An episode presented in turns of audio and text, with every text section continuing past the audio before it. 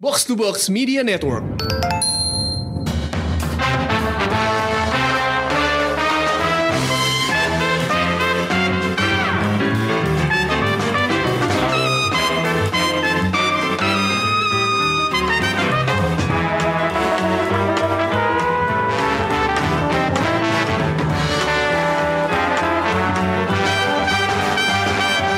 Halo, selamat datang di Showbox Podcast dengan gue Lisa Gua Angga. Dan gue Amy. Yeay, kita Yeay, bertiga lagi trio, trio. Hai. Trio bukan kekuek. Eh, Podcast adalah show, eh, Showbox adalah kok podcast adalah Udah error nih, udah hari Jumat, udah mau libur Eh, Showbox adalah podcast mingguan tentang film dan televisi Tapi dari bulan September kemarin kita jadinya podcast dua mingguan ya enggak? Maaf yo. Mohon maaf nih live memang begitulah Cuman sebagai penebusan dosa minggu ini kita rekaman langsung dua episode Pengennya sih langsung tiga ya. Apa jangan, nih? jangan lebay, minumnya udah mau habis nih. Eh, kita bakal di episode ini kita bakal ngomongin Terminator. Kita juga bakal ada eh, sesi recap ya, Yeah. yang udah lama kita nggak kita, kita hidupkan kembali. Eh, terus nanti abis ini kita bakal rekaman juga episode spesial khusus ngomongin eh, HBO Max dan juga perang streaming yang kayaknya bakal lebih sengit lagi ya tahun 2020 nih. Eh, Oke, tapi sebelum kita mulai review Terminator, eh, mungkin kita akan dengerin dulu trailer dari filmnya. Why do you care what happens to her? Because I was her.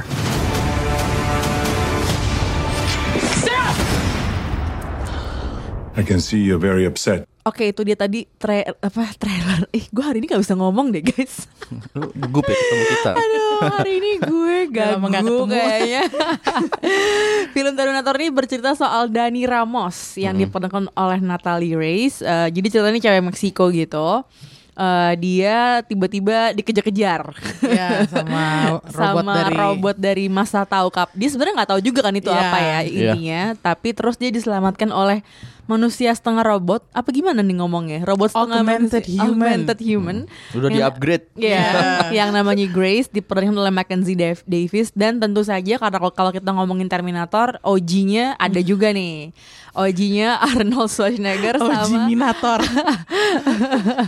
eh ya OG-nya ada juga sama Sarah Connornya gitu. Jadi eh, Linda Hamilton yang main itu emang apa ya kayak semacam kunci ya tokoh kunci dari eh, franchise Terminator ini gitu. Cuman eh, yang menurut gue menarik dari franchise Terminator adalah emang dia itu mengizinkan eh peng apa creatornya gitu untuk bikin cerita time travel dengan semaunya aja gitu ya nggak sih karena kalau lo nonton kalau gue sih udah ini udah film ke-6 ya Dark the Terminator Dark Fate ini udah ke-6 Iya.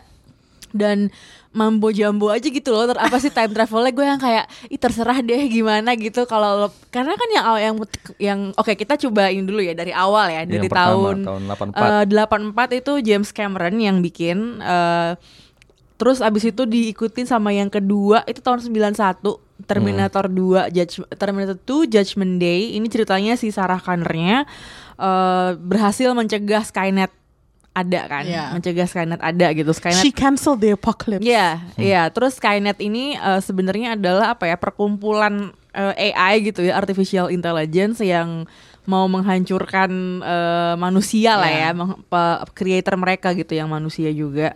Eh, terus Terminator 3 Rise of the Machines tahun 2003 itu kan cukup jauh ya jaraknya ya, dari 91 ke 2003 gitu. Jadi emang terus tapi dia di di twist ceritanya yang yang keduanya. Eh, jadi katanya eh, Skynetnya itu bukannya dihind apa sih bukannya bukannya di cancel tapi tertunda gitu kan Ya. kalau yang ketiga ini. Nah, terus 2009 ini tahunnya agak jauh-jauh ya. Jauh, Jadi jauh sebenarnya mengingat ruma- lumayan risetnya gitu kayak udah nonton tapi kan lupa-lupa ingat gitu. Eh, terus 2009 Terminator Salvation eh, nyambung dari Terminator 3 itu yang keempat. Eh, nah, terus yang kelima eh, Terminator Genesis tuh reboot reboot. Ya. Jadi sebenarnya si Dark Fate ini dia adalah sequel dari yang kedua. Bener nggak gue? Iya betul. Bener nggak? Iya, Bener ya, iya, bener iya. ya. Jadi emang Originalnya. dia tuh, eh, ya OG OG. Oji. Ini OG trilogy. OG trilogy. Jadi inget ayam, ayam goreng. Eh, iya, jadi intinya dia itu kayak balik ke basic lagi. Jadi setelah film yang keduanya gitu ya, terus jadinya eh, ada ter- ada si Ar- Arnold dan juga Linda juga gitu dan ada cast baru gitu ya dan dunia ini kayak belum ada Skynet tapi jadi adanya ntar kita bahas. By the way ini masih tetap full spoiler ya? Eh, podcastnya? ini masih non spoiler dulu Oh, masih aja, non spoiler Oke. dulu. ha-ha. Untung bilangin soalnya gue Iya iya iya. Langsung Sebentar doang tapi ya. gue. Soalnya kita eh, episodenya pack banget nih mau ngomongin Terminator, mau ada sesi recap juga. Jadi kita ngomongin ini sebentar aja. Gue mungkin awalnya nanyain dulu deh yang non spoilernya menurut kalian gimana film ini? Angga duluan deh Eh, gue kan eh, pas nonton ini eh, Terminator Dark, Dark Fate ini gue eh, inget masa-masa kecil sih. Waktu dulu nonton pertama kali Terminator 1 dan 2 itu nonton di TV kan. Sumpah, gue nonton tuh di Lu Laserdisc. Laserdisc ya? Gue lupa di Gue TV. nonton di Kalau Laserdisc gue dan Laserdisc sih. itu kan telanjang-telanjang gitu ya. Iya. Bokap gue kayak apa ini film gini-gini terus gue kayak mana gue tahu. Gue juga nggak. Oh. Yang minjem juga bukan gue, nggak tahu kenapa ada di rumah gitu. Terus- Oh terus- lu dapet ya? Gue nggak dapet tuh karena gue nonton di TV kali ya, jadi udah disensor. Oh iya. Nah, Dulu tuh yang kayak ini film apaan sih kok ada Arnold. Schwarzenegger telanjang gitu. Betul, Anyway. pengalaman gue Iya sama dia kan? sama. Iya kan? Eh, terus Iya, terus nonton di layar Mas RCTI. Iya. Em, dan gue entah kenapa dari dari semua Terminator yang udah dibikin dan di- di- dirilis satu dua itu yang paling menancap di pikiran gitu kan. Makanya pas nonton yang Dark Fate yang yang sekarang ini eh, dan ngelihat timelinenya, oh nyambungnya ternyata sama yang satu dua. Gue lebih tertarik sih dibandingin yang lebih relate ya. lebih relate, lebih relate dibandingin Gua tiga empat lima gitu. Itu tuh enggak tiga empat lima tuh kayak udah makin mencoba untuk berinovasi. Trying too hard nggak sih iya, yang Secara berikutnya, ya? storytelling, secara timeline gitu kan. Dan yang gue pertama kali nonton uh, Dark Fate gue langsung loh ada adegan eh, pembunuhan itu kan pembunuhan si eh, si Edward gue ingetnya. Edward Furlong sih Ya, itu gimana ya? itu berarti dia pakai CGI kan dari dari situ udah kelihatan terus tapi secara keseluruhan gue sih merasa eh, ini ini eh, gue menurut gue ya ini pengulangan aja sih pengulangan secara plot eh, ya resep resep film Terminator 1 2 dan mungkin yang 3 4 5 juga kita tahu. Ya udah jelas gitu kan eh, mereka berusaha untuk menghentikan bencana di masa depan gitu kan. Mm-mm. dan menghentikan juga Terminator dikirim buat ngebunuh si si siapa tadi tokoh utamanya?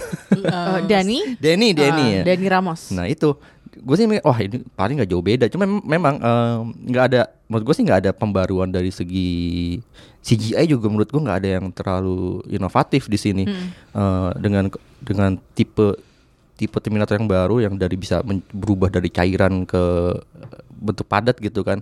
Eh, itu sih mirip dengan Terminator yang pertama, yang kedua sorry. Tapi ya mungkin karena pengaruh teknologi juga makin canggih, jadi lebih ini lebih detail aja penampilannya yang menarik justru buat gue yang menarik menarik adalah kemunculan Linda Hamilton sih menurut gue. Badass yang banget gitu. katanya dia diet karbo setahun gitu bener gue nggak tahu deh. Pokoknya gue cuma baca sekilas di headline mana gitu. Dia diet karbo setahun untuk tampil di film ini jadi kayak emang keker gitu. Wow. nah itu yang paling justru Dia udah nggak muda lagi kan padahal. enggak enggak. Luar dan biasa. dan ngelihat gimana plot ini ber, eh, fil- plot film bergulir gue nggak nggak terlalu expect banget. Cuman memang menikmati aja secara gue lebih ke sisi nostalgia aja sih kayak gitu. Oke Emi gimana? Kalau gue eh, sebenarnya menurut gue film ini entertaining banget. Asal lo nggak mikirin plot dan urusan Gue setuju. timeline-nya. Iya, Karena iya, itu, itu. hal yang paling setuju. eh, memusingkan kan. Jadi jangan coba dirunut lah kalau menurut Iya, gue. betul. Soalnya kalau lo Kayak mencoba X-Men ya? Ya, kalau lo terlalu serius mikirin itunya, filmnya jadi nggak enjoyable. Iya. Tapi karena gue nonton nggak nggak pakai mikirin itunya, nggak pakai mikirin nyambungnya ke yang 3 4 5 tuh kayak gimana, asal lo pegang aja bahwa ini kelanjutannya dari Judgment Day ya udah. Itu ternyata entertaining banget. Yang gue paling suka di sini adalah uh, baliknya Linda Hamilton sama kayak Angga, tapi juga uh, the fact that uh, sekarang ini um, leadnya tuh ada tiga cewek. Yo itu gue suka banget. Karena eh, nggak tahu ya mungkin karena film yang terakhir tuh yang Genesis udah lumayan ada Emilia Clarke kan. Tapi sayangnya di situ masih banyakan cowoknya. Jadi kayak eh, Terminatornya semua cowok yang nyelamatin cowok juga gitu. Nah sekarang nih bener-bener yang tokoh utamanya yang dikejar-kejar cewek yang ngebantuin cewek yang dari masa depan uh, faktor yang gak dikenalnya juga cewek gitu jadi uh, gue enjoy banget tadi nonton penampilannya semua aktris-aktris yang muncul di sini Uh, Mackenzie Davis keren banget sih. Sejujurnya gue nggak ngefans sama dia karena menurut gue aktingnya biasa aja. Tapi entah kenapa di sini dia keren banget. Iya. Dan cocok banget gitu dia main bareng sama si siapa? Natalia Reyes ya sama Linda Hamilton. Pokoknya bertiga itu keren banget deh. Gue tadi cuma terpukau aja ngeliatin tiga cewek keren banget. Lo baru nonton banget nih sebelum rekaman, jadi masih Iya. fresh. Jadi gue gue kayak ngeliat trailernya tuh sebenarnya waktu itu udah gue harus nonton yang ini karena uh, pesona ketiga cewek itu tuh benar-benar memikat gue banget gitu. Jadi gue bener harus nonton yang ini. Ka- Kalau tra ngeliat trailer dari film yang sebelum-sebelumnya nggak gitu amat gitu. Iya. Maksudnya kayak oh ya udah gitu. Nah kalau yang ini gue benar-benar tertarik dan apalagi terus uh, ternyata kan ini baliknya James Cameron sebagai produser kan. Jadi gue pengen tahu aja ngaruh nggak sih kalau dia balik gitu. Hmm. Ternyata ngaruh sih. Dan James Cameron kan sebenarnya memang terlalu suka menampilkan karakter perempuan yang kuat kan dalam Iya. film-film dia kan dari Alien sampai The Titan Ya, Iya. gitu. makanya gue eh, yang gue tungguin tuh sebenarnya eh, bukan kayak nostalgianya, Hmm. karena eh, waktu pertama kali nonton Terminator, gue sebenarnya agak serem sama tuh film, Iya. Terutama yang Oh, waktu gua kecil gue takut. takut kan? Takut, heeh. Takutnya Iya. karena Karena kan ini ngebunuh-bunuh nggak? gitu enggak? lo bayangin gak lo anak kecil yang nontonnya Sesame Street Terus tiba-tiba ada film kayak gini gitu Iya. Takut tau Kalau gue sih takut waktu itu. Jadi gue sebenarnya nggak ada feeling nostalgia yang gimana banget sama Terminator gitu. Cuma setelah Enggak, enggak yang Oh kangen nonton Iya. gini Enggak ya gue gue doang ya berarti ya. lo karena lo nggak takut ya. Lo gak takut kayaknya enggak Jadi jadinya terus ini. gue kayak eh, tapi setelah gue udah dewasa nih sekarang gue udah ngerti film terus Iya. eh, meng- melihat pengaruhnya James Cameron terhadap cerita terhadap karakter Hmm. ternyata it makes a huge difference sih dibandingin kemarin-kemarin yang gak ada dia sebagai produser gitu loh jadi gue tadi mikir oh ini tuh kenapa dibesar-besarin banget bahwa the OG producer tuh balik gitu loh Iya, iya, iya. ya kalau gue kalau gue sih dari situnya yang yang gue suka tuh eh, terus tentu aja gue suka actionnya Ya. actionnya keren sih maksudnya seperti kata Angga tadi sebenarnya action dari Terminatornya sendiri si robot itu tuh udah nggak terlalu banyak yang baru karena di Genesis bahkan bisa dibilang lebih inovatif yang itu gitu Hmm. cuman nggak tau kenapa gue emang suka sama aktor yang meraninnya kan si Iya. Ghost Rider itu Gabriel Luna jadi tadi pas eh, gue ngelihat dia muncul terus ada api-apinya gitu Terus dia sempet yang kena api-api gitu terus gue yang kayak mikir wah gila nih Ghost Rider banget nih Iya. terus gue yang kayak eh, ngeliatin cara dia dan Mackenzie Davis berantem tuh gue yang cuman wah ini koreografinya keren banget gitu Oke, kalau gue, eh, gue ketika ya seperti tadi Emmy bilang, ini tuh jangan terlalu di eh, overthinking ya. Intinya tuh lo jangan kebanyakan mikirin. Karena gue awalnya seperti yang kayak, hah gimana? Terus Skynet, hah gimana? Tunggu, itu kayak mengingat gitu ya? Itu kayak uh, ya first act gue tuh yang kayak ah, gimana? Hah, gitu. Tapi akhirnya karena lo kan nggak dikasih napas ya di film ini kayak bener-bener kayak terus-terusan gitu. Menurut gue siku apa sih sequence uh, uh, actionnya tuh bagus banget dan sangat memikat lah. Gue gue nggak ngerasa bosen dan gue nggak ngerasa uh, maksudnya ini kan lo meng- menghadapi uh, musuh yang nggak bisa mati istilahnya Iya. gitu kan. Jadi kayak ini gimana lo Iya, ngalahin dia gitu kan. Jadi ngalahinnya. sepanjang film tuh adegannya kan kejar-kejaran terus gitu kan. Itu tuh menurut gue seru banget karena sebenarnya susah untuk bikin yang kayak gitu kan. Untuk bikin yang kayak eh lo mau kabur ke mana lagi? Misalnya lo mau menyelamatkan diri dengan cara gimana lagi? Itu kan trik-trik yang dan gimana lo ngebunuh musuh yang nggak bisa mati Iya gitu itu kan seru banget. Nah gue akhirnya gue juga Oke this is a dumb movie But I like it gitu. I didn't mind. Jadi gue yang kayak Jadi gue juga Oke I'm rooting for you Danny. Go Escape yourself. Eh, Jadinya malah seneng nontonnya. Jadi kayak ya udahlah gue gak usah terlalu mikir-mikir. Ya udahlah ya gitu. Kayak akhirnya Cuma ngeliatin doang. Jadi kayak ya udah seneng aja gitu. Dan it was a fun ride. Jadi gue emang cukup bersenang-senang nonton Iya. ini Eh, dan iya sih menurut gue seru dan kalau orang bilang nonton apa enggak nonton gue bilang seru Iyalah harus.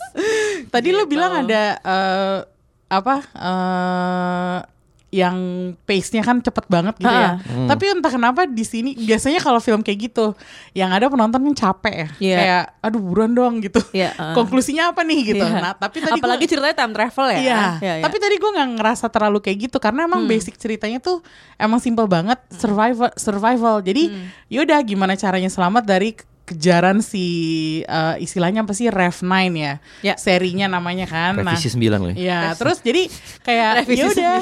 Itu kan sebenarnya kalau dipikir-pikir ceritanya nggak ada banget kan. Iya. Kayak ya Nggak cuma ada. kejar-kejaran aja gitu loh. Tapi gue entah kenapa biasanya eh, yang Nah, biasanya kan ganggu yang kayak gitu. Ganggu. Kenapa ya? Ini tapi yang juga. ini fun, gue nggak tahu kenapa. Mungkin ya karena penampilan aktornya bisa itu. juga ya. Terus eh, tentu aja dengan tampilnya Arnold di sini ngulangin eh, karakter dia yang lama. Ini udah boleh masuk sesi spoiler belum, belum, sih? belum, ya, belum ya. spoiler. Hus, hus, hus.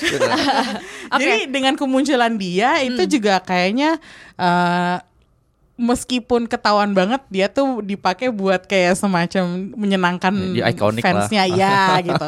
Tapi eh, jadinya malah seru gitu bukan yang ganggu gitu kan kadang-kadang kalau yang obvious banget nih gue kasih buat lo fans gitu. Iya. itu kan Fan bias- service ya. ya itu kayak terlalu agak huh, gitu.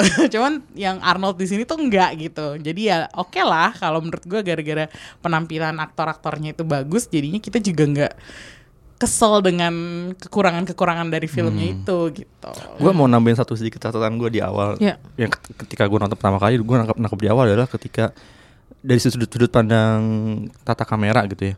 Eh, pas kemunculan pertama kali si Grace jatuh dari jembatan lalu ditemukan oleh dua orang eh, sepasang muda-mudi Meksiko gitu dan akhir masuk eh, dan dan dan, dan akhir datang polisi Eh, adegan action di situ menurut gue diambil dengan shot yang terlalu padat, misalnya shotnya terlalu dekat, jadi eh, kurang mundur, kurang long shot, jadi nggak nggak kelihatan actionnya gitu. Eh, berapa itu kan editingnya mena- meramu beberapa shot berbarengan gitu kan, dan itu kebanyakan shot-shot eh, dekat gitu. Gue tadinya gue pikir "Duh, kenapa di gue mikir kenapa terlalu deket ya harusnya lebih lebih mundur sedikit lebih jauh supaya kita bisa ngelihat keseluruhan adegan action.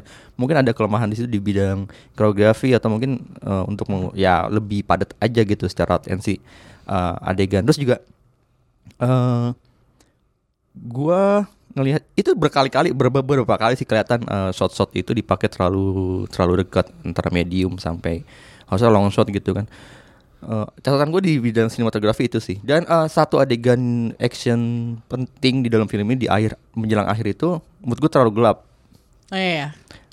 Ntar spoiler aja dia Iya. gue baru mau kode. udah diliatin Lisa Tunggu, gue tunggu. udah dilirik Eh, Oke, kita masuk aja ke sesi spoiler berikut ini. Nah ini jadi yang belum nonton udah nonton eh, dengernya pas itu dulu Eh. mungkin nanti skip sampai 20 menit berikutnya sampai kita ngomongin recap. Eh, Oke, ini sesi spoiler terserah mau ngomong apa nih yang udah nonton. Tapi kalau gue sih, eh, kalau misalnya gue boleh cerita dikit, gue seneng banget dengan perubahan karakternya Sarah Connor di sini. Hmm. Karena yang tadinya cuman kan di awal dia kayak nggak penting gitu kan, yang dia Iya, tadinya damsel in distress Iya tadinya dan sebenarnya yang lebih diglorifikasi kan si Arnold Schwarzenegger-nya kan sebagai oh karakter utamanya gitu. Tapi di sini tuh tiba-tiba dia jadi kayak jeng badass gitu. Iya. Dan eh, menurut gue eh, ini udah menandakan perubahan waktu ini sih the time the time that we live in gitu ya. Emang kayak ya lo bukan perempuan bukan damsel in distress lagi gitu loh. Jadi mungkin eh, itu kali ya kenapa gue kayak ya udahlah itu sedang movie kayak logikanya nggak ada. Udah gitu kayak lo tau gak sih yang adegan naik pesawat itu yang kayak itu gimana ya? Kayak kalau lo ngerti uh, science gitu kayaknya eh, gimana? Nggak mungkin banget gitu kayaknya. Dan apa kaca dibolo eh, kaca dipecahin terus lo nggak gimana? gitu kayaknya nggak itu nggak make sense sih. Cuman ya udah kita menikmati. Ya, kita menikmati tapi kayak terus ada tuh adegan yang dia kecebur naiknya cepet banget. Gue bilang itu nggak pecah ya Oh, iya, kayak makanya. gimana ya gitu tapi ya udahlah ya tapi kayak mana harusnya kenceng banget lagi iya, Iya, itu kan Jadi di bawah kayak- bendungan. itu nggak make sense banget jadi kayak banyak adegan yang mengganggu gue sebenarnya yang kayak gitu gitu ya. tapi ya itu akhirnya yang ya emang lo nggak harus pakai otak sih nonton ini jadi kayak udahlah nikmatin aja Kalau kalau yang lo bilang eh, banyak action yang gak masuk di akal Eh. itu gue bisa udah lumayan eh, cope dengan itu. Begitu gue Iya. tahu nama sutradaranya Tim Miller oh Iya iya. betul Tim Jadi Miller. ya- ya udah lah ya. Deadpool ya ya. kan ya udah Ini maksud gue Iya, kalau iya. ngeliat nama sutradaranya dia emang suka bombastis kayak bodoh gitu. Amatan bodo- gitu kan iya benar Yang penting keren iya gitu iya iya cuman ya itu kalau catatan gue adalah gue suka banget bagaimana mereka kayak nge-twist karakternya Sarah Con- Connor gitu dan eh, menurut gue kalau kalau nanti kita udah ngomongin ending gue suka sih endingnya Iya gak sih? Betul. Gue suka dan emang kayak ya udah emang harusnya tuh arahnya ke situ gitu loh. Eh, dan Tapi ini nyambung sama yang lo omongin Liz. Hmm. Kalau gue bagian spoiler ini adalah eh, yang gue kaget adalah beneran lo John Connor dimatiin. hmm, Itu gue kaget banget karena selama ini tuh eh, ya meskipun waktu di film pertama kedua dia masih kecil, Hmm. tapi kan kita selama ini udah di build up bahwa dia itu akan jadi penyelamatnya umat manusia di masa Hmm, depan. Pemimpin Dan besar revolusi. Iya, dan itu semua eh, itu dari semua film yang kemarin-kemarin dirilis, itu semua tetap sama kan. Mau John timelinenya gonta-ganti kayak gimana, tapi tetap John Connor itu adalah penyelamat umat manusia. Nah di sini tiba-tiba dia dimatiin. Gue agak shock dengan adegan itu sebenarnya, karena eh, ternyata dia dimatiinnya sebagai anak kecil, Ya. sebagai waktu eh, jadi eh, timelinenya adalah setelah endingnya Judgment Day tiga tahun setelah endingnya Judgment Day Ya. ceritanya mereka lagi kabur di Guatemala eh, Sarah dan John Connor. Nggak taunya ternyata eh, ketemu sama karakternya Arnold eh, T800 yang di sini.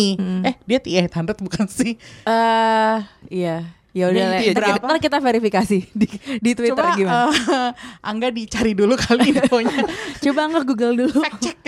Tapi intinya adalah kan dia mereka kan ketahuan kan sama si Arnold yang Iya. datang dari masa depan. Ternyata eh, di situ dia ditembak dan ditembaknya tuh brutal banget pakai senapan yang gede gue banget se- gitu. gue sedih banget adegan nggak tau kenapa. Iya sedih gue gue jujur aja gue rada nangis tadi pas bagian itu Di awal lagi langsung. Iya terus udah gitu kayak eh mungkin itu semacam kayak apa ya kayak salah satu upaya tim penulisnya yang banyak banget Iya. isi tim penulisnya gitu eh, untuk bikin supaya ceritanya bisa nyambung dan akhirnya shifting dari John ke Sarah gitu dan emang lebih make sense sih karena eh, ceritanya John kan selama ini di masa depan ya Iya. jadi kita kurang tahu juga sebenarnya dia tuh kayak gimana. Eh, Sarah sebagai karakter kalau menurut gue emang lebih pantas diberi sorotan karena dia yang ngebawa kita ke ceritanya gitu. Iya. Jadi gue mikir oh ini mungkin emang caranya mereka shifting gitu. Cuman haruskah dibunuh kayak gue jadi kayak apa ya meskipun gue suka sama Sarah Connor dan gue suka kenyataan bahwa di sini ada pemeran-pemeran cewek yang keren tapi entah kenapa gue sedih juga John Connor tuh mati gitu jadi gue kayak merasa ya terus yang nyelamatin umat manusia siapa Dani. Iya sih guys, ada guys pengganti. ini tuh Valar Morgulis, All Men Must Die. Oh my Anjir, kita nyambung ya ke episode berikutnya. Ayo, silakan Betul, betul, betul, betul. silakan Nah, tadi nyambung soal kelem- eh, menurut gua catatan soal kelemahan film ini yang tadi adegan di pesawat ketika mereka kabur dari kejaran si Terminator ini itu menurut gua terlalu gelap loh. Agak nggak terlalu gelap sih, agak gelap jadi eh, Emang filmnya gelap enggak? enggak itu ya di kan itu kan memang Judulnya memang Dark malam. Fate nggak bukannya Bright Light. iya ya. Dan itu kan udah malam, memang, memang udah malam settingnya kan di Ya. lu di langit sana udah malam, di dalam pesawatnya pun udah sedang kondisi chaos, jadi ya, lampu kelap kelip. Tapi menurut gua terlalu masih agak terlalu gelap. Heeh. Untungnya memang walaupun tidak masuk akal, cuman ya masih bisa diterima lah. Oke, adegannya seru, menarik gitu kan. Nah, ada satu hal yang mengganggu gua adalah ketika em, si Grace itu kan dikasih tato koordinat kan di perutnya. Dan bilang dia dibilang oleh oleh pengirimnya di masa depan itu adalah kalau ada apa-apa di sini Ke situ. ke situ gitu kan. Ternyata itu adalah lokasi rumahnya si Carl. Si ternyata si Carl ini Terminator tadi kan lu nanya "Kak, apa modelnya itu dia T800 model 101. kayak Oke. hotel, kayak hotel ya. nah, ternyata itu adalah lokasi rumah si Carl ini kan, rumah rumah pembunuhnya si John Connor kan. Dan gue bingung siapa yang mengasih kenapa orang di masa depan tuh tahu rumah alamat itu gitu. Enggak, itu bagian yang kita nggak bisa pikirin. Tapi gue jadi kepas kepikiran. iya sih. Apa ini disimpan buat film berikutnya gue nggak tahu juga sih. Cuman Enggak, ini kok kan nggak kayak tadi kita dijelasin. udah sepakat kalau film ini jangan Tapi overthinking. gimana? itu of- itu udah jelas udah diomongin soalnya di dialog kan. Ah, itu siapa ya? Itu sih siapa yang ngasih tahu Tapi dong. emang gitu. itu porsinya gede banget sih Iya. bagian itu. Jadi kayak kalau ada orang yang penasaran sah-sah aja. sah-sah aja kalau lo kebingungan tapi kalau gue Lisa memutuskan untuk nggak musik. karena udah lelah kalau musingin itu juga karena kayak literally nggak ada yang bisa di kayak nggak ada yang bisa ditarik ngerti gak sih? Kayak Hmm.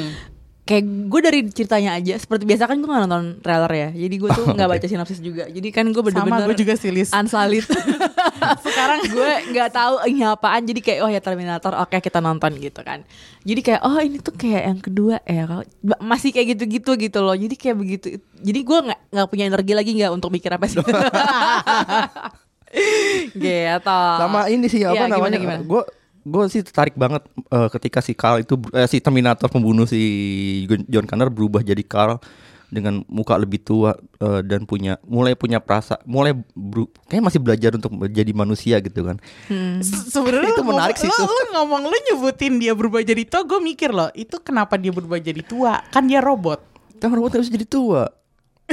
Terus itu gue juga mikirin sih tapi kayak ya udahlah ya Terminator Kurang balik-balik. Gue lagi yang mikirin. Nggak, itu ya karena kalau kan tadi gue bilang kalau gue pikirin semua yang ada gue pusing sendiri Nggak, tapi nggak jadi poin ada poin gue tadi omongan gue adalah gue justru eh, justru itu poin menarik bukan bukan Iya. kritik gue itu poin Iya. menarik ketika eh, tokoh ini ada aturan yang nggak jelas ya iya nggak jelas tapi berarti kan em, eh, dan ini masuk ke at- masuk ke genre science fiction yang memang eh, teknologi berperan Iya. dalam mengubah umat, umat mengubah kehidupan umat manusia sampai ketika dijadikan film. Eh, genre science fiction itu dalam film adalah biasanya adalah eh, eh, teknologi itu mengambil alih eh, kehidupan manusia kan gitu kan. Dan sampai mengancam kehidupan manusia itu sering banget terjadi sering banget pakem ini dipakai di berbagai film science fiction. Dan di film ini Terminator ini ya eh, itu kita bisa lihat gimana di masa depan teknologi mengancam kehidupan manusia. Tapi di, di masa yang di dalam film ini si si Carl ini yang udah tua ju- ju- justru dia pengen jadi setara dengan manusia gitu. Itu menarik sih menurut gue itu poin menarik dari dari gue tentang film ini gitu. Hmm, oke oke oke. Gue aja begitu tahu si eh, kalnya nikah aja gue kayak hah? Gimana? terus ya. Kayak oke please. Lebih aneh dia nikah atau dia jualan korden? Eh, dua-duanya. Itu aneh banget. jualan korden. Eh, nggak kan terus dia nikah nih. Terus kayak kayak nih, nih this, mo- this movie better explain ya gimana? Terus kayak terus ah mas untungnya Sarah Dia ngomong kayak "Eh, emang dia nggak tahu kalau lo nggak pernah tidur lo our relationship is not physical gue kayak oke. Udah- udah terus gue nggak tahu kenapa gue tuh gitu. ketawa sendiri gitu nonton itu kayak eh bagian itu gue juga ketawa. Iya kan? Di sekitar gue silent gitu tapi gue kayak ini lucu banget sih kayak Itu dan ketawa sih. kenapa karakternya Kal itu jadi kayak gitu di film ini? Jadi kayak ya jadi lucu aja Iya, gitu iya, kan? bener-bener. jadi kayak gemes jadi kayak Terus dia ngaku agak lagi dia komikal gitu. Iya. jadi ya bener. Ya I'm, I'm funny. Iya gue yang kayak ini menarik sih perkembangan karakter ini ternyata bisa ada perkembangan karakter dia ya belajar ternyata Tapi selama tadi tadi ya. tadi yang lo sebutin eh, waktu Sarah Connor eh, nanya ke Carl, emangnya eh, dia nggak tahu kalau lo tidur pas segala macam. Hmm. Iya. Eh, Sebenarnya yang yang pengen gue omongin tuh adalah di sini sifatnya si Sarah Connor. Di sini kan dia galak banget ya. Yoi Itu ga, nenek-nenek galak tuh kayak nenek-nenek galak tapi pa- pakai jeans. tapi gitu. galaknya reasonable Iya karena reasonable, anak reasonable. gunung, Terus eh, yang gue pengen bilang adalah gue seneng banget di sini eh, Sarah Connornya tuh kayak dia tuh it's like si- sikapnya dia tuh adalah me versus the world gitu loh. Jadi kayak dia tuh beneran nggak ramah ke siapa pun gitu. Yang dia cuman ya. I've been hurt so fuck you Iya. all Jadi kayak yang dia bisa toleransi kayaknya cuman si Dani doang gitu Iya. dan eh, itu itu justru akhirnya bikin gue merasa agak baik-baik aja dan dengan kematiannya John Connor. Iya. Hmm. Bahwa kan sekarang Dani eh, memegang perannya John Connor kan. Jadi Iya. di film ini si Sarah akhirnya menyadari bahwa oh dia ternyata pegang perannya John. Setelah John nggak ada you are John Connor gitu ngomong Iya, gitu you- kan. dia makanya you are John gitu kan. Terus jadi makanya gue kayak eh, oh pantesan dia dibikin paling ramah tuh sama si Dani karena kok namanya Dani sama John ya? Ini kok agak-agak Gue memang terus udah. Iya bener juga ya. Udah lah Ini tuh konspirasinya HBO Oh my god namanya Dani sama John. Iya jadi terus deh gitu Waktu akhirnya dia menyadari bahwa Oh ya itu jadi gue akhirnya tadi yang gue di awal agak sedih dan agak nangis tiba-tiba di sini gue jadi kayak kok jadi feel good gini ya padahal ini nenek-nenek galak exactly, gitu loh Exactly. Gue ngerasa banget ketika yang lo bilang feel good itu bener banget. Jadi kayak kenapa ya gue kayak ini film yang yang nggak masuk akal segala macam, Iya. tapi kayaknya nontonnya seru-seru aja gitu. Kayak lo kan nonton kayak Fast and Furious seru sih tebak tabrak tabrak tabrakan kejar-kejaran. tapi hampa gitu Tapi nggak sih kayak Iya. setelah itu apa udah gitu? lelah gitu tapi Iya. nggak tahu kenapa ini kayak cukup uh, refreshing apa refreshing gue dan padahal udah jelas nih orang nggak mati-mati kayak si karakternya nggak nggak mati-mati musuhnya gitu jadi ya oke lah gitu Terus udah gitu gue juga senengnya bahwa eh, di sini tuh endingnya tuh kayak ada semacam ya oke eh, sepertinya masalah belum selesai ya. Karena kan si Daniela kan kayak mau di training buat jadi leader gitu kan. Dan dia harus siap-siap ngadepin masa depan yang nggak tahu bis sepertinya masih akan terjadi lagi ya Pasti Iya. akan dikirim lagi tuh Iya Terminator kan? buat Jadi kayaknya dia. tuh ini ceritanya emang belum konklusif gitu. Kayak masih ada yang bisa kejadian lagi dan mungkin itu sengaja supaya mereka bisa bikin film lagi. Cuman entah kenapa ngeliatin dua wanita itu tiba-tiba naik jeep terus deh gitu kayak di tengah Itu kayak jalan. ibu dan anak gak sih menurut lo? Iya, itu udah kayak ibu dan iya, anak. makanya bagian itu tuh kayak tiba-tiba ngeliatin, oh, uh, from dari ibu dan anak laki-laki Iya. sekarang jadi from mother and son, terus mother and daughter gitu Iya. loh. Jadi kayak Eh, ini tuh keren banget. Can you guys explain waktu mereka ketemu itu lagi gimana logika nggak bisa lo- nanya logika ya di sini ya? bisa nggak bisa nggak kita nanya logika Ketemu nih? yang mana nih? yang terakhirnya yang terakhirnya si Ketemu si Grace kecil. Grace kecil ketemu Grace kecil Dani yang sebelum naik jeep berdua itu Oh, Iya. yang mereka After the lagi sunset ngeliat di berdua playground. Di taman bermain itu. itu berarti Itu logikanya did, bera- did they gimana ya? cancel the apocalypse? Tuh I kan. think they did. Berarti berhasil the dong. Iya, tapi kan seperti yang sudah dijelaskan, meskipun Skynetnya di cancel waktu di Judgment Day, ternyata muncul yang lain lagi, which is Legion. Jadi intinya masa depan adalah satu-satunya hal yang pasti dari film ini gue yakin banget adalah masa depan itu tidak diketahui gitu loh. Atau kita mau pakai eh, teorinya Bruce Banner. Apa tuh? Di dalam Marvel kan dia Oh, punya iya, teori fix timeline gitu, yang jadi- berbeda tuh. Oh, nama iya, iya. gitu. Terserah lo sih mau pakai mana. Kan Iya, kita nggak usah tapi, tapi capek mikir kan. itu, itu bakalan bikin pusing sih. Kalau gue sih tadi sebelum uh, setelah uh, keluar dari bioskop, terus ada waktu sebentar buat ngopi-ngopi gitu kan. Jadi gue duduk nih di Iya. sebuah coffee shop, terus Iya. gue buka lah uh, browser gitu. Terus gue uh, searching gue adalah keywordnya Terminator Timeline. Dan itu di Wah, internet terus, banyak terus? banget. Dan salah satu yang gue baca tuh dari Games Radar. Games Radar tuh Iya, iya, um, Games Radar. grupnya Total Film kan. Nah terus dia bikin tuh ternyata emang split. Jadi split Ada alternate realities gitu. gitu. jadi kayak alternate apa ya alternate universe ya sebutannya ya. Jadi intinya udah udah mecah gitu. Jadi dari Judgment Day itu memang sepertinya ada tiga timeline yang yang jalan gitu jadi the original timeline bebas lah ya mau Iya. bikin tiga timeline mau bikin Iya, sepuluh betul. bebas karena kalau di universe-nya Terminator it's possible gitu jadi bahkan dari empat kalau nggak salah dari Jadi- awal tuh kayak emang udah ya bisa aja Iya, kayak gitu Dan intinya adalah mana pun yang pengen lo percayai ya, ya udah itu sesuai selera lo aja. jadi Tapi- ini ini apa kayak eh, membuat fandomnya nggak berantem kayaknya kalau padahal katanya behind the scenes berantem lo itu. oh gitu Si James sama si Steve Miller. Oh. Proses editingnya yang tadi lo puji itu Liz ternyata hasil pertengkaran Gontok-gontok. dua filmmaker besar James Cameron gitu loh.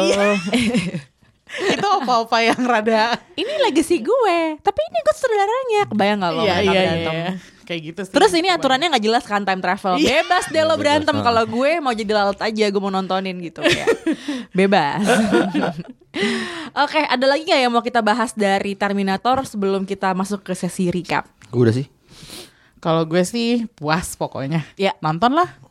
Lumayan ya ngilangin stres paling gak? Iya betul. Iya, ini udah menjelang akhir Betul. tahun, deadline numpuk ya kan. Target tinggal dua bulan lagi. Laporan-laporan menampuk.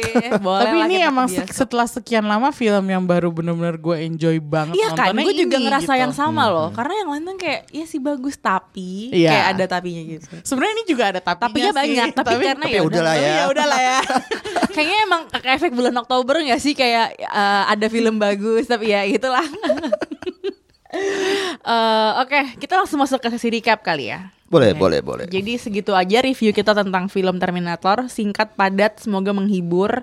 Eh, nonton suka nggak suka, add kita di Showbox Podcast di Twitter. Kita pakai del nggak sih di Twitter nggak? Enggak. Dah. What about Mimin? Gua aja nggak apal. Anyway, pokoknya di Twitter bisa di tapi kalau di Instagram suka agak ribet ya. Jadi kayak Twitter aja deh gitu. Gitu. Oke, kita masuk ke sesi recap. Eh, nah, ini re- sesi recap Apa mau nanya dulu nih. Banyak banget nih soalnya nih yang yang Tumben deh kita ngomongin recap soalnya. Iya, kalau gue eh, minggu ini nonton film Susi Susanti. Aku pun juga. Angga Aku nonton. juga nggak pakai aku pun juga. Diralat. Ah, jadi karena gue banyak banget melihat oh bagus banget filmnya bagus banget bagus banget gitu. Gimana Hmm. nggak kalau menurut lo? gue cukup suka dengan film ini karena menurut gue ini salah satu salah satu bio speak Indonesia yang gak terlalu hiperbolis gitu kan. Secara penggarapan sama secara emosi dan karakter gitu. Eh menurut gua film ini menarik secara karakter Susi Susanti terutama diperankan Laura Basuki. Gue pribadi selalu suka aktingnya Laura Basuki di film-film dia dan menurut gua akting Laura di Susi Susanti itu oke oke lah, oke banget lah. Karena karena menurut gue Laura itu termasuk kayak Reza Rahadian. Reza Rahadian selalu bisa tampil ke dengan eh, dengan raut wajah, dengan intonasi suara, dengan mimik, dengan apa namanya gerak tubuh yang berbeda dalam setiap karakter yang diperankan kan. Laura menurut gue juga kayak gitu di film ini. Gue bisa ngeliat gimana dia bisa eh, gemes gitu loh, gemes-gemes lucu sama si siapa Alan yang diperankan oleh Dion Yoko. Dion Yoko juga di sini oke. Gila luar biasa. Gue suka banget. Iya, walaupun Hmm, tapi dua-duanya bagus sih. Iya ya, porsinya nggak banyak karena karena ini film Susi Susanti gitu kan. Yang mungkin yang agak eh, gua agak heran dengan penempatan ininya sih apa eh, secara plot gitu ya. Hmm. Film ini muncak di tengah-tengah doang gitu. Secara emosional sama secara konflik muncak di tengah-tengah. Hmm. Lalu perlahan turun, pelan-pelan pelan turun. Padahal padahal di di, di akhir itu Hmm. kita me- melihat konflik batinnya Susi karena dia sebagai pemain Indonesia pemain bulu tangkis Indonesia pernah dapat udah dapat eh, kok gue pengen nyebut Piala Citra ya? Yang udah dapat medali emas dari Oli- Olimpiade Olimpiade, ternyata ya. dia belum jadi warga negara Indonesia yang sah gitu kan. Ya. ada konflik identitas ada politik identitas juga di situ gitu dan ada kerusuhan juga di situ. Itu poin-poin penting kan sebenarnya dalam film ini cuman nggak nggak kegarap dengan terlalu oke gitu. Jadi datar aja gitu kalau gue sih ngeliatnya film ini kayaknya dibikin dengan time dengan storytelling yang eh, apa ya bukan datar sih. Eh, lurus-lurus aja gitu. Jadi nggak pengen terlalu neko-neko juga gitu. Nggak kayak eh, mungkin kayak Habibie Ainun 12 gitu yang yang agak hiperbolis gitu di banyak adegannya di banyak konfliknya. Ini enggak tapi overall sih gue suka sih. Menurut lu gimana? Gue eh gue berharap gue suka tap- tapi nggak kurang bisa menikmati karena maksud gue nggak tau gue mengharapkan gamenya bisa lebih seru aja game game permainannya permainan, ha, ya. gitu jadi karena yang eh, kalau menurut gue Laura Basuki eh, keren banget jadi sususan sususanti Dion Wiyoko bagus banget Iya, jadi Dion. Beda loh dia. gue nggak ngelihat Dion gitu. gue nggak ngelihat Dion sama sekali bener-bener ngelihat karakter yang lain gitu di di di film itu dan eh, tapi iya gue nggak tahu kayak dari segi gamenya tuh kurang nggak tahu ya mungkin gue expect too much from a movie about a badminton player yang udah legend banget gitu. Hmm. jadi eh, nggak tahu gue kurang dapat di situnya sih sebenarnya. Di segi keseruan eh, permainannya itu menurut gue. Dan dramanya menurut gue eh, sampai akhirnya dia dapat medali itu kayak nggak tahu kurang aja. Kurang ya? jadi kayak dia mengandalkan konflik mengandalkan konflik politik sosial politik yang terjadi itu sebagai backgroundnya terus jadi kayak permainannya juga padahal itu kan tegang juga gitu. Iya iya iya iya. Eh, gitu sih kalau gue itu. Tapi eh, gila sih Laura Basuki bener-bener dia dapat banget yang adegan eh, yang split kayak gitu. Iya. Yang Susi Susanti kan terkenal dengan emang Split, kakinya ke depan banget gitu kan Sampai kayak bisa balikin gue nggak tahu tuh latihannya gimana luar biasa. Eh, Emi kemarin minggu semingguan ini nonton apa Zombieland 2 double tap. Oh, gue belum nonton. rame tuh, rame tuh, rame tuh. Gimana Seru sih, gimana? seru sih. Lo nonton yang pertama nggak? Nonton lah. Nonton, oke. Gue termasuk fans Zombieland yang asli. Kan waktu itu kan Eh, by the way bisa ditonton di Netflix ya? Yang Oh, pertama. ya, ya, ya, Jadi ya, kalau yang ada. belum nonton, nonton dulu di Netflix, habis itu nonton keduanya langsung di Ya. bioskop. Kalau kalau gue waktu itu eh, gue inget banget tahun 2009 nonton Zombieland. Waktu itu Woody Harrelson, eh, Jesse Eisenberg, Emma Stone sama Abigail Breslin belum sengetop sekarang kan. Iya. Jadi gue kaget banget di situ. Wah, nih empat orang siapa sih kok keren banget ya. Hmm. Jadi mengingat eh, Woody Harrelson waktu itu udah lumayan lah ya. Cuman tapi kayak Woody itu bukan film-filmnya nggak orang TV sayang. gitu, orang bagus. TV. Dia belum belum pernah dapet lead kan. Iya. Dan di sini tuh dia eh, jadi kayak semacam apa ya? Ya bisa dibilang leadnya berempat itu kan. Ya, Dan di uh. sini pertama kalinya gue ngeliat Woody yang bisa acting sekeren itu jadi orang keren gitu loh. It's a band gitu. of Agak- misfits, misfits iya. nggak sih kayak berempat itu kayak Terus gue inget banget Zombieland yang pertama tuh sebenarnya intinya is not about the zombies, it's about family kan. Iya. Nah jadi eh, mengingat-ingat semua itu gue langsung eh, menghilangkan ekspektasi gue sampai nol. Hmm. Karena gue tahu sequelnya nggak bakalan bisa nyamain yang pertama. Iya. Dan waktu gue masuk ke bioskop nonton film ini tanpa ekspektasi ternyata hasilnya keren banget. Oke. Tapi gue tahu kalau misalnya gue berharap banyak, gue pasti kecewa kan. kalau orang nggak nonton yang pertama Agak susah sih itu. Susah. Karena di sini film yang kedua ini f- terfokus banget ke hubungannya antara karakternya Jesse Eisenberg dan karakternya Emma Stone. Oke. Kalau lo nggak tahu sejarahnya mereka, Hmm. konflik di sini tuh akhirnya cuma jadi kayak adu mulut yang gak jelas. Hmm. Padahal kalau lo ngerti siapa mereka sejak nonton yang pertama, Hmm. lo akan mengerti kenapa mereka di sini punya konflik gitu. Hmm. Uh, kalau gue sih sebagai fans Zombieland yang pertama karena gue udah gue udah tahu nih karena gue ngefans kan jadi gue suka banget obses banget Hmm.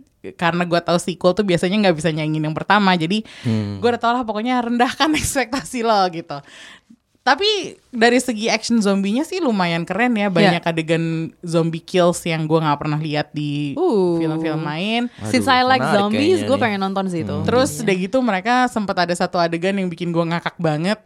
Gue ngakak sendirian, kayak kayak lo tadi nonton di Terminator, lo sendirian yang ketawa Iya, kan. iya. Ini gue ke- ketawa sendirian gara-gara jadi eh, karakternya Jesse baca komik Walking Dead.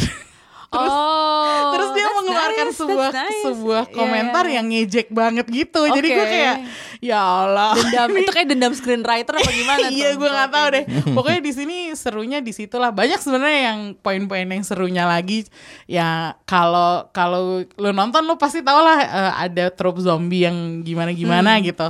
Jadi sebagai sebuah film zombie buat gue sih seru ya. Oke. Eh, yang menariknya adalah gue ngobrol sama orang lain, ternyata ada yang kecewa juga. Jadi gue gue bilang ke dia, ya itu karena ekspektasi lo ketinggian gitu. Tapi ya udahlah ya. Kalau gue sih, gue masih tetap lebih suka Terminator Dark Fate ya, karena lebih eh, feel goodnya itu dapat.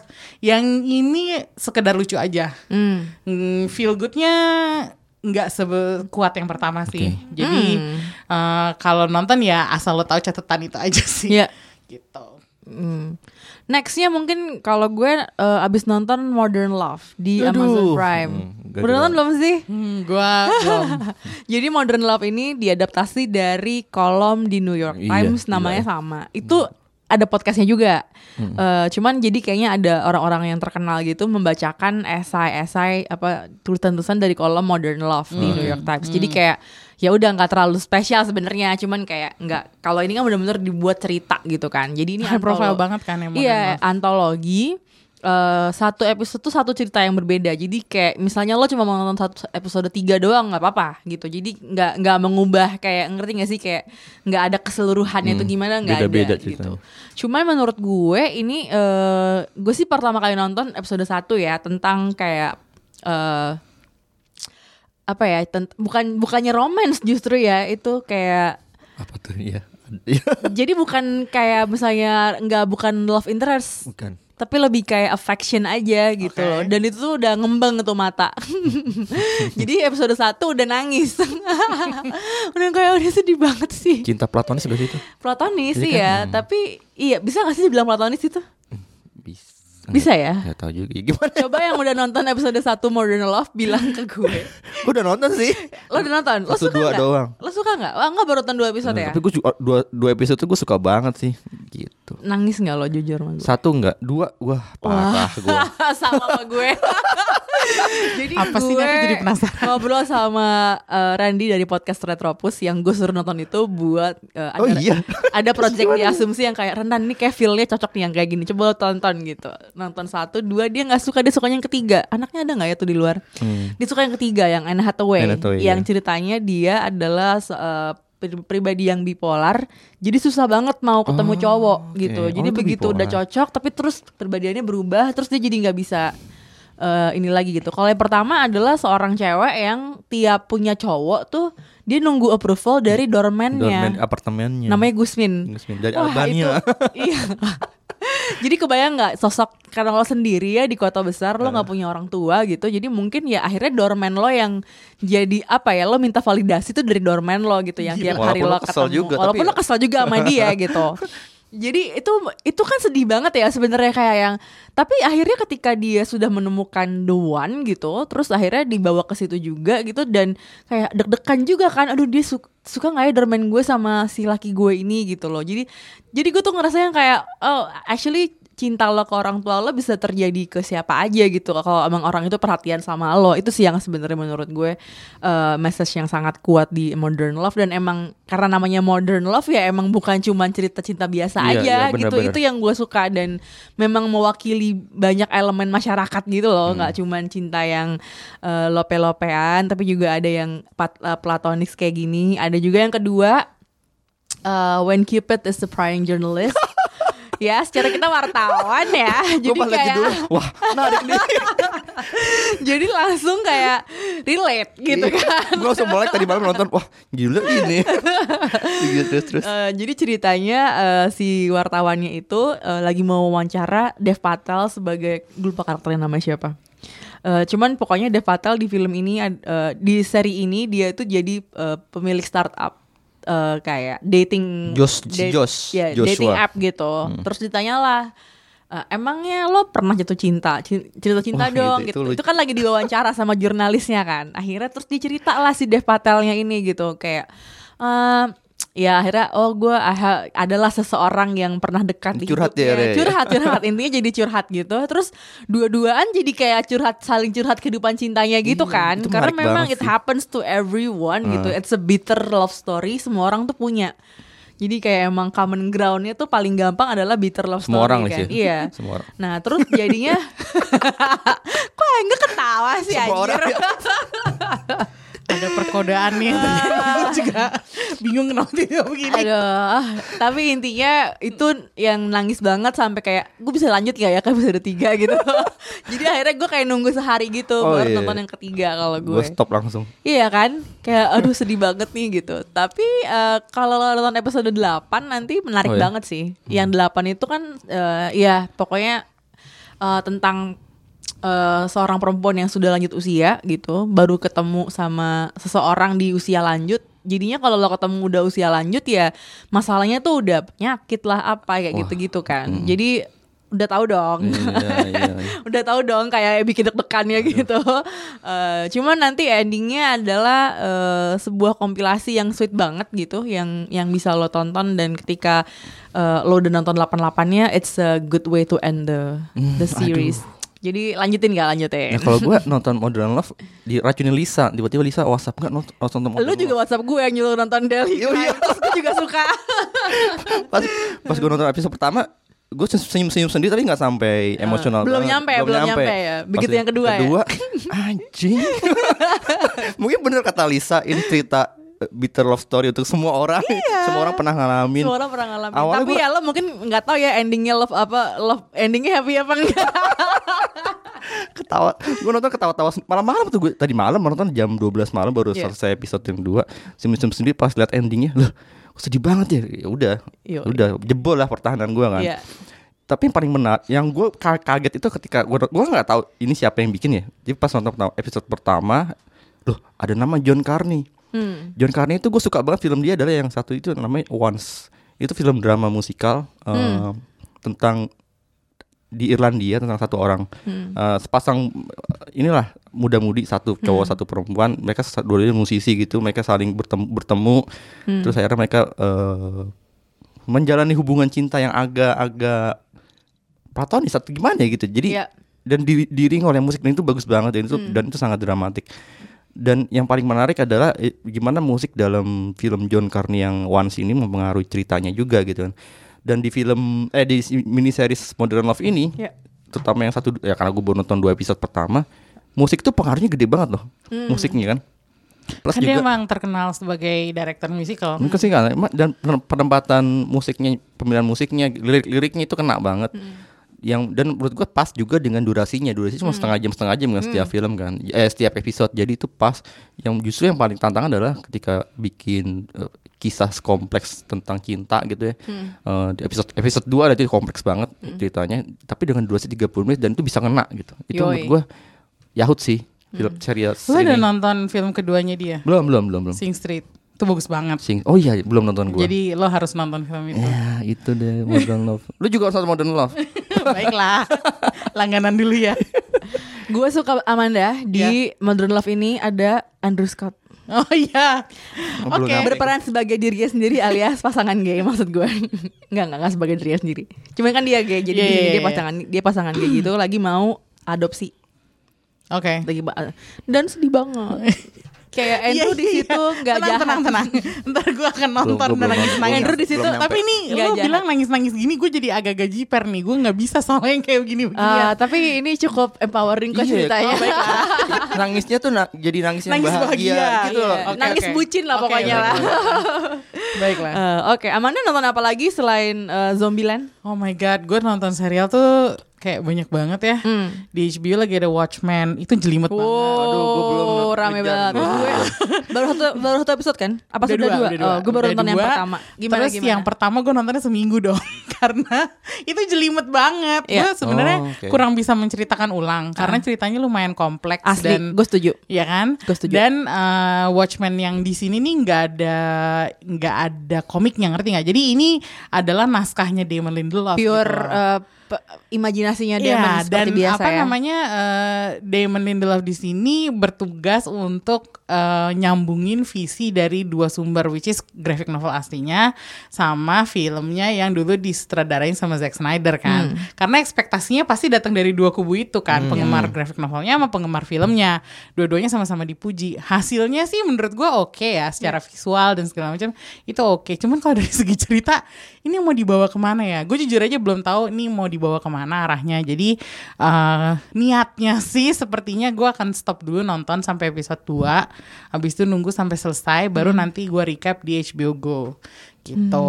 Karena oke. eh, sejujurnya masih banyak serial lain yang gue pengen nonton kan. Salah satunya yang lagi main juga di Fox Channel tuh adalah Evil. Oke. Itu yang main alumnusnya Luke Cage sama alumnusnya Westworld. Jadi eh, itu ceritanya eh, sebenarnya kalau lo denger judul Evil kan pasti lo mikirnya setan-setanan Ya. atau gimana. Dan itu memang ada gitu unsur-unsur em, cerita tentang demon, tentang sin, tentang agama gitu.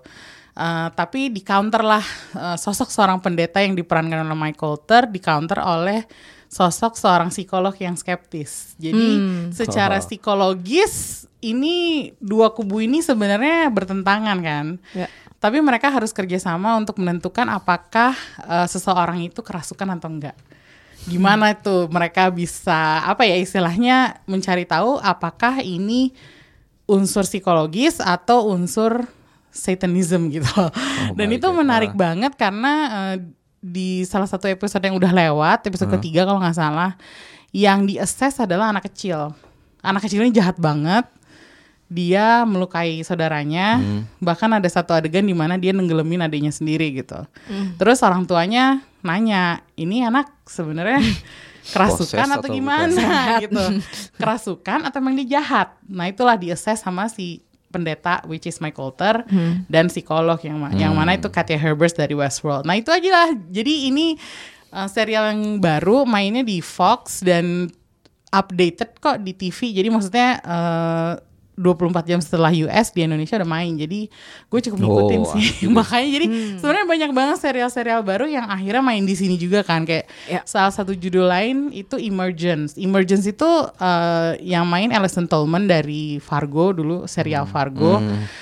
Ah, gue lupa dia mainnya di channel mana ya. Pokoknya ini serial uh, bau-baunya agak-agak Lost, Fringe, yang science fiction kayak gitu gitu. Dan pemeran apa tokoh sentralnya juga polisi cewek dan anak kecil cewek. Jadi gue tertarik sih nonton itu dan saking banyaknya jadi makanya aduh Watchmen tunggu dulu ya. Soalnya Iya. Watchmen tuh cukup nguras. Gini, Watchmen gue. itu emang susah banget ditonton menurut gue. Iya ya. Susah banget ditonton dan kalau lo nggak baca komiknya sama sekali dan lo mungkin nggak nonton filmnya Iya. aja Zack Snyder dan mungkin lo nggak tahu apa-apa tentang Watchmen, lo beneran lost di Lost. dunia itu. Beneran Betul. ketika nonton di episode 1 yang kayak, hah ini apa sih?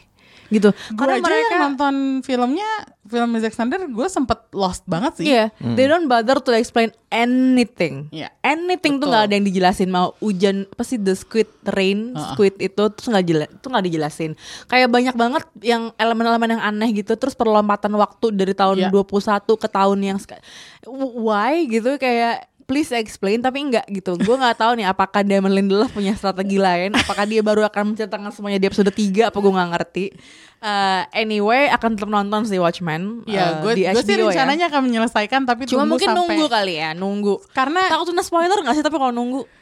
tapi kalau gue sih no choice karena di spoiler pun gue belum tentu ngerti Lis. Jadi gue jadi gue merasa Bener, kayaknya bener, bener. kalaupun gue nunggu sampai Ya episode sudah lah terakhir gitu ya. pun Heeh. kayaknya kalau Aman-aman aja. aman-aman aja Ya. sih. Jadi gue bahkan mungkin akan terbantu dengan spoiler karena Hmm. gue benar-benar butuh bantuan banget untuk memahami ini mau dibawanya ke mana sih gitu. oke. Itu yang uh, set semua seri ini Lindelof kan jujur aja kayak gitu ya. Jadi kan dia senang banget tuh mainin perasaan penonton Ya. gitu. Kita dibikin bingung, kita dibikin kayak Gue suka penasaran. ya. Iya Kenapa ya memang. tuh? itu emang trik yang bagus sih.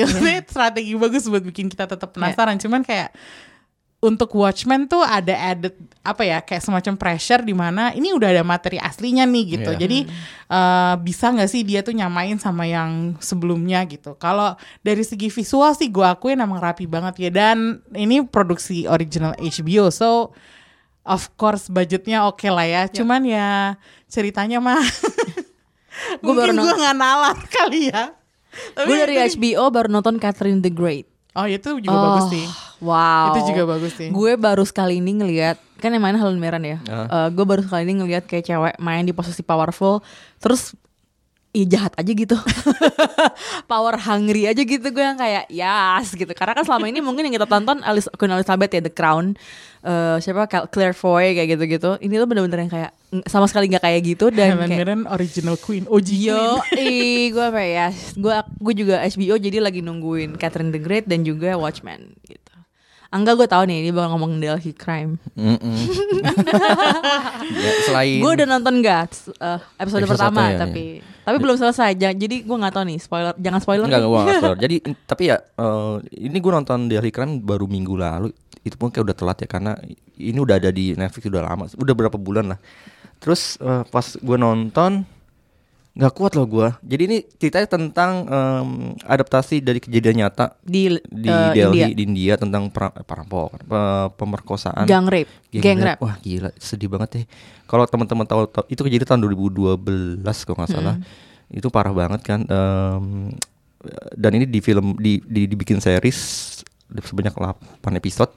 Em, yang paling menohok perhatian sejak awal adalah secara visual. Visualnya itu real, eh, Gritty banget. gritty banget real eh, dan menangkap ya sorry to say tapi kan kota kota, kota New Delhi itu kan karena penduduknya banyak terus juga negara salah satu penduduk terpadat di dunia gitu kan.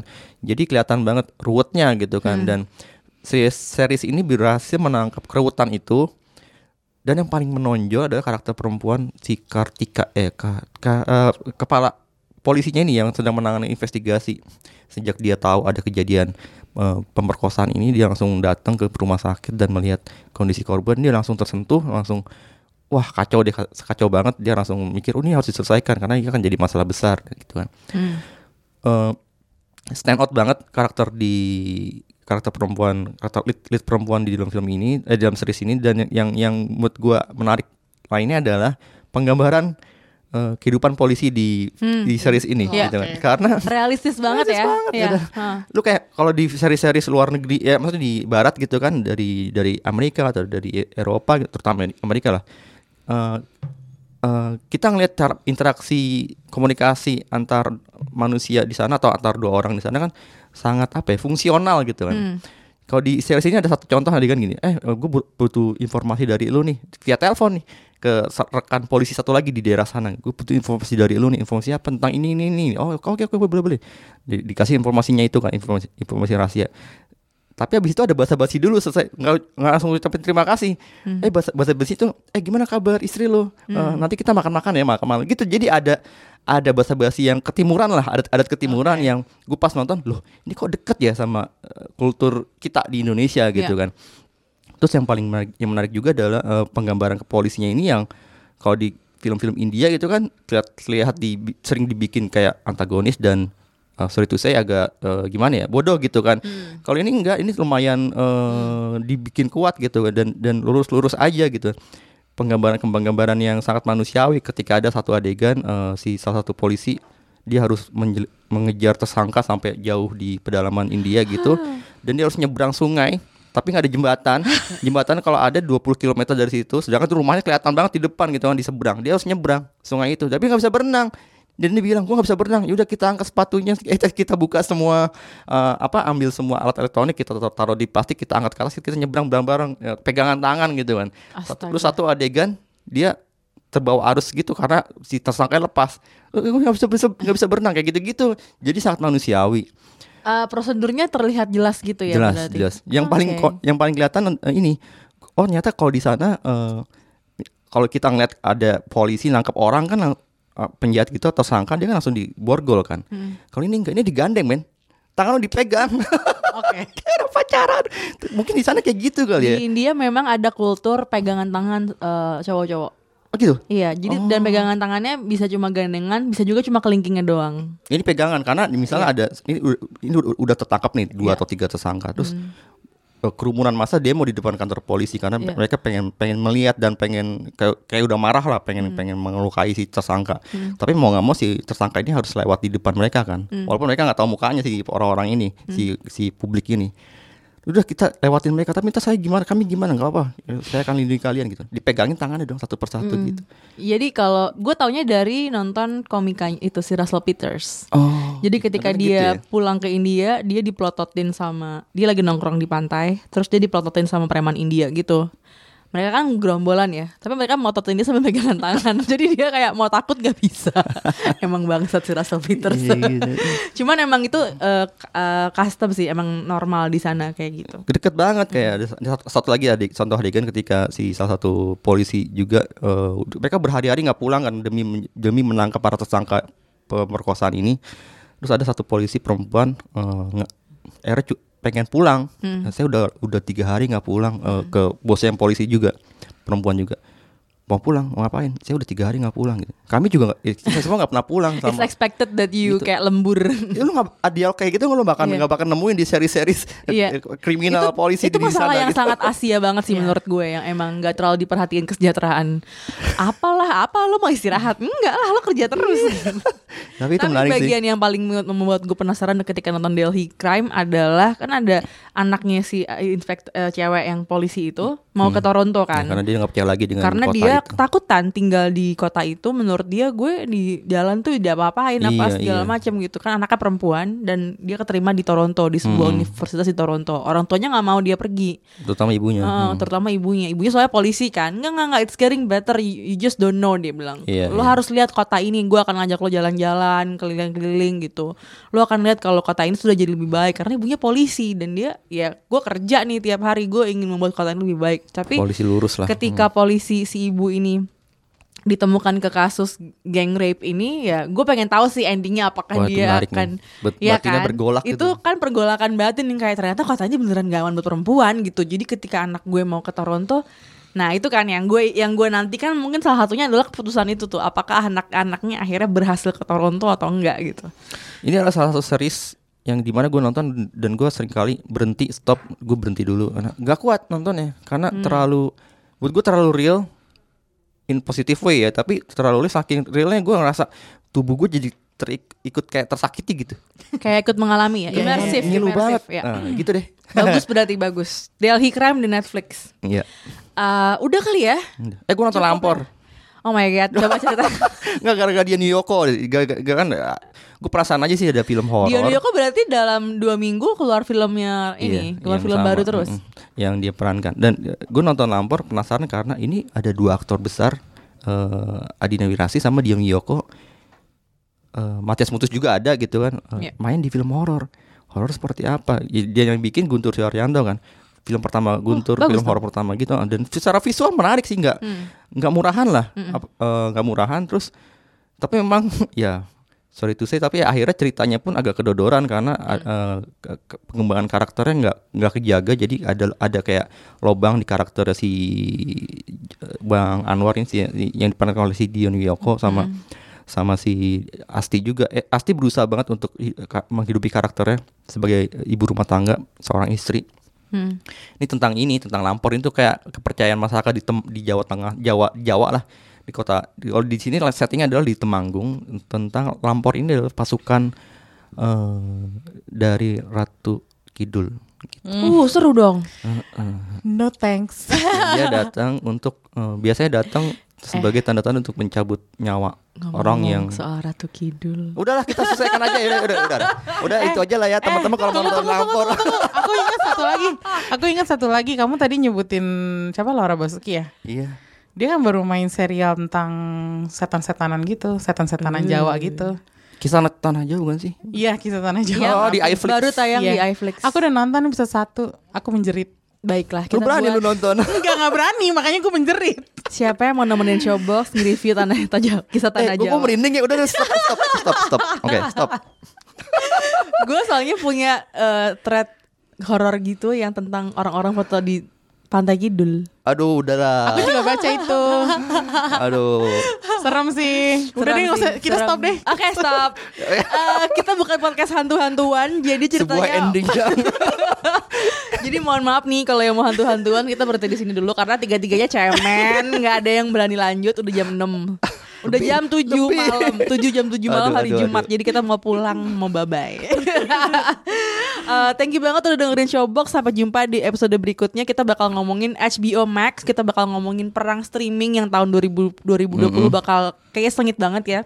Dan kita juga bakal ngomongin prequel dari Game of Thrones. Waduh. Jangan kelewatan episode selanjutnya. Bye bye, thank you. Bye.